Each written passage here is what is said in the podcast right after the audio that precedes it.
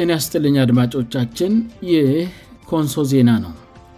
አሁን የዕለቱን አንኳር ዜና የምናቀርብበት ጊዜ ላይ ደርሰናል ዜናውንም ማቀርብላችሁ የአቬሎናቴነኝ አብራችሁን ነው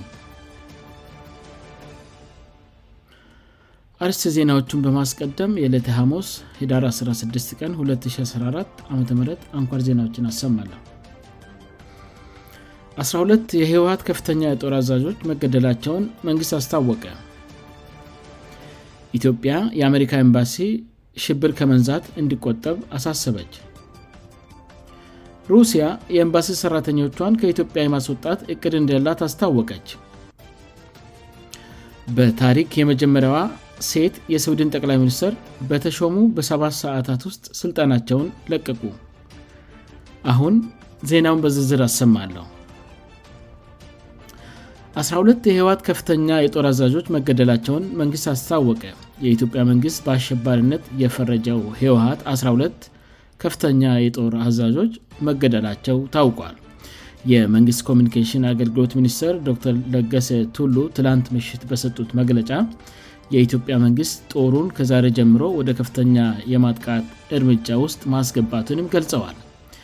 በሚኒስትሩ መግለጫ መሠረት በባቴ ግንባር ስድስት የቡድኑ የጦርና የኮር ከፍተኛ አዛዦች ተደምሰሰዋል በሚ ግንባር እንዲሁ የህወትን ጦር ሲመሩ የነበሩ ስድስት ከፍተኛ አመራሮች መደምሰሳቸውንም ሚኒስትሩ ገልጸዋል ሚኒስትሩ ተገደሉ ያሏቸውን የጦር አዛዦች ስምና ማድረግ ግን አልጠቀሱም ሆኖም ግን ከዚህ በፊት በወጣባቸው የእስር ማዘዣ መሠረት በአገር ክህደት ተወንጅለ ሲፈለጉ የነበሩ ናቸው ተብሏል የኢትዮጵያ መንግስት ሰራዊት እየሸሻ ያለውን የህወሀትን ተዋጊ እግር በእግር እየተከታተለ እርምጃ እየወሰደበት እንደሚገኝም ሚኒስትሩ አስታውቀዋል ይህ ኮንሶ ዜና ነው ኢትዮጵያ የአሜሪካ ኤምባሲ ሽብር ከመንዛት እንዲቆጠብ አሳሰበች የአሜሪካ ኤምባሲእና አንዳንድ የአሜሪካ መንግስት ተወካዮች በኢትዮጵያ ላይ ያደረጉት ያለው ጫና አሳፋሪ በሆነ መንገድ መቀጠሉን መንግስት በኮሚኒኬሽን አገልግሎቱ በኩል አስታውቋል የመንግስት ኮሚኒኬሽን አገልግሎት ሚኒስተር ዴታ አቶ ከበደ ደሲሳ ዛሬ ረፋል ላይ በሰጡት መግለጫ አሜሪካ ከአንድ ሳምንት በፊት የህወት ታጣቂዎች አዲስ አበባን ከበዋል የሚል ፕሮፓጋንዳ በመንሳት ዘጎቿ ከሀገር እንዲወጡ እና ሌሎች እምባሲዎችም ተመሳሳይ እርምጃ እንዲወስዱ ጫና ስትፈጥር ነበር ብለዋል ይህ አልስ አካ ስላቸው ሌላ አጀንዳ ይዘው ቀርበዋል ያሉት አቶ ከበደ በትናንትናው ዕለት ደግሞ አዲስ አበባ ውስጥ የሽብር ጥቃት ሊፈጸም ይችላል የምል ሽብር የሚፈጥር መግለጫ አውጥተዋል ስሉም ተናግረዋል እንዲህ አይነት መግለጫዎች ከእውነት የራቁና ሽብር ለመፍጠር የተሸረቡ መሆኑን በመግለጽ ለህወ ተወገነ ግልጽ ጦርነት መከፈቱንም የሚያረጋግጥ ነው ብለዋል ምኒስትር ዴታው ኢትዮጵያና አሜሪካ ከዚህ ቀደም የሽብር ስጋት ሲኖር መረጃ ይለዋወጡ ነበር አሁን ግን የአሜሪካ ምባሲ ምንም በሌለበት ያወጣው መግለጫ የኢትዮጵያን ገጽታ በአለም አቀፉ ማህበረሰቡ ዘንድ ለማጠልሸት የተሰራ ነው ሲሉም ተናግረዋል እንዲህ አይነት ተግባራት የዲፕሎማሲያዊ ህጎችና ልማዶችን የሚጥሱ ናቸው ያሉት አቶ ከበደ የሁለቱን ሀገራት የቆየና ታሪካዊ ግንኙነት የሚያበላሽ መሆኑንም ገልጸዋል ስለዚህም የአሜሪካ መንግስትም ሆን መቀመጫውን አዲስ አበባ ያደረገው የአሜሪካ ኤምባሲ ሽብርን ከሚነዛና ሀላፍነት ከጎደደው ተግባራት እንዲቆጠቡም አሳስበዋል ሚኒስተር ዴታው አክለውም የአሜሪካ ኤምባሲ ከሌሎች አጋሮቹ ጋር በመሆንም መቀመጫቸው አዲስ አበባ ያደረጉ ዓለም አቀፍ ተቋማት ወደ ሌላ ሀገር እንዲዘዋወሩ ጫናዎችንም እየፈጠሩ እንደሆነ ማስታውቀዋል ይህንን ለማሳካትም አሜሪካ በኢትዮጵያ ላይ በተለይም ከታላቁ የህዳሴ ግድብ ጋር በተያያዘ ቅሬታ ያላቸው ሀገራት በማስተባበር እየሰራች መሆኗንም ያነሱ ሲሆን ከዚህ ተግባራቸው እንዲቆጠቡ ማሳስበዋል መሰረታቸውን አሜሪካ ያደረጉ የሬዴት ድርጅቶች ከኢትዮጵያን ወጣለን ከዚህ በኋላ ሰብዊ ድጋፍ አናደርግም የሚሉ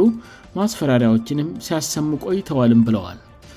ኢትዮጵያውያን ለስንደ ብለን ለዋላውነታችንን የማናስደፍር ህዝቦች መሆናችንን በአንድነት ሆነን ይህንን ጊዜ በማሳለፍ እናሳያለን ያሉት አቶ ከበደ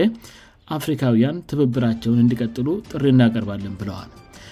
በሌላ በተያያዘ ዜና ኢትዮጵያ አራት የአየርላንድ ዲፕሎማቶች ኢትዮጵያን ለቀው እንዲወጡ መወሰኗን ኢትዮጵያ አስታወቀኝ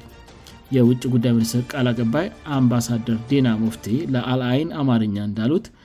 በኢትዮጵያ የሰሩ የነበሩት አራት የአየርላንድ ዲፕሎማቶች በሳምንት ውስጥ አገሪቱን ለቀው እንዲወጡ መወሰኑን ገልጸዋል የአየርላንድ የውጭ ጉዳይ ሚኒስር በወጣው መግለጫ ዲፕሎማቶቹ በአንድ ሳምንት ጊዜ ውስጥ ከሀገር እንዲወጡ በኢትዮጵያ መንግስት በኩል ከውሳኔ እንደተደረሰ እንዳውቅ ተደርቅ ያለው ብለዋል ከአምባሳደሩ እና አንድ ዲፕሎማት ውጭ ሌሎ በሌሎች የኤምባሲ ሰራተኞች አገሪቱን ለቀው እንዲወጡ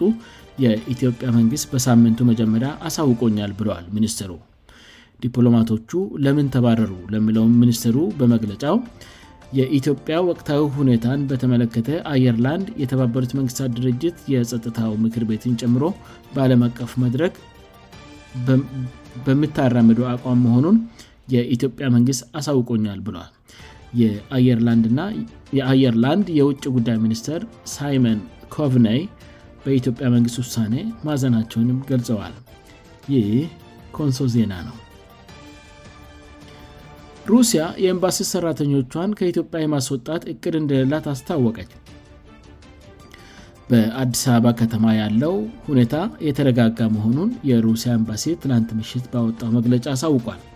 የአስቸኳይ ጊዜ አዋጅ መታወጁ በኢትዮጵያ ዋና ከተማ የዕለት ዕለት የኑሮ ዘይቤና እንቅስቃሴ ላይ ምንም አይነት ለውጥ አላመጣም ስልም ኤምባሲው ገልጿዋል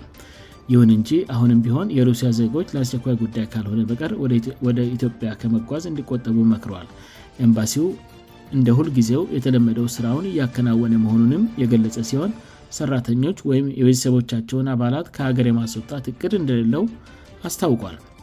የሩሲያ ኤምባሲ ቦላ ለመቀፍ አየር ማረፊያ እንደ ሁል ጊዜው የተለመደውን ስራ እያከናወነ መሆኑን የገለጸ ሲሆን የኢትዮጵያ ሲቪል ቬሽን ባለስልጣን በቅርቡ እንደገለጸው በአገሪቱ የሚደረጉ በረራዎች ደህነታቸው የተጠበቀ ናቸው ማለቱን አስታውቋል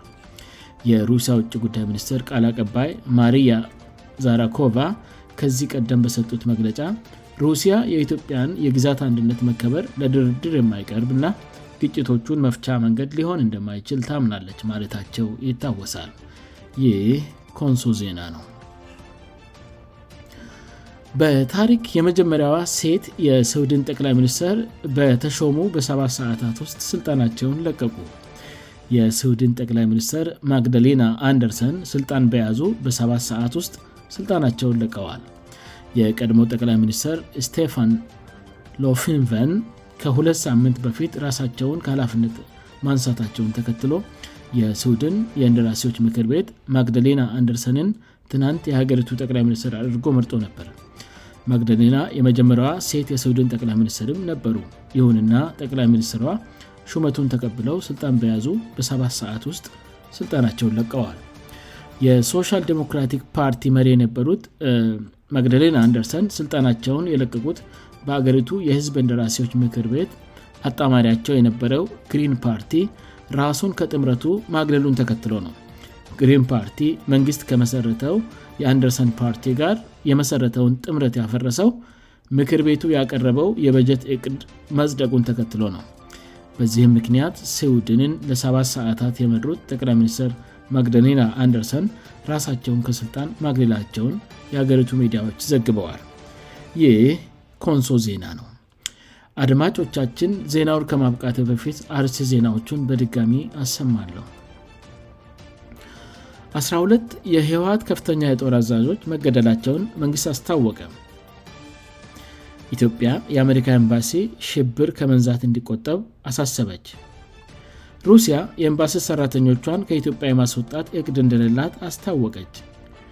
በታሪክ የመጀመሪያዋ ሴት የስውድን ጠቅላይ ሚኒስተር በተሾመው በ7ት ሰዓታት ውስጥ ሥልጠናቸውን ለቀቁ ዜናው በዚያ በቃ አድማጮቻችን የዕለቱ አንኳር ዜናዎቻችን ይህን ይመስሉ ነበር ስላዳመጣችሁን እናመሰግናለን ኮንሶ ዜና ነገን በተመሳሳይ ሰዓት እንደሚጠብቁት ተስፋ ያደርጋል እስከዚያው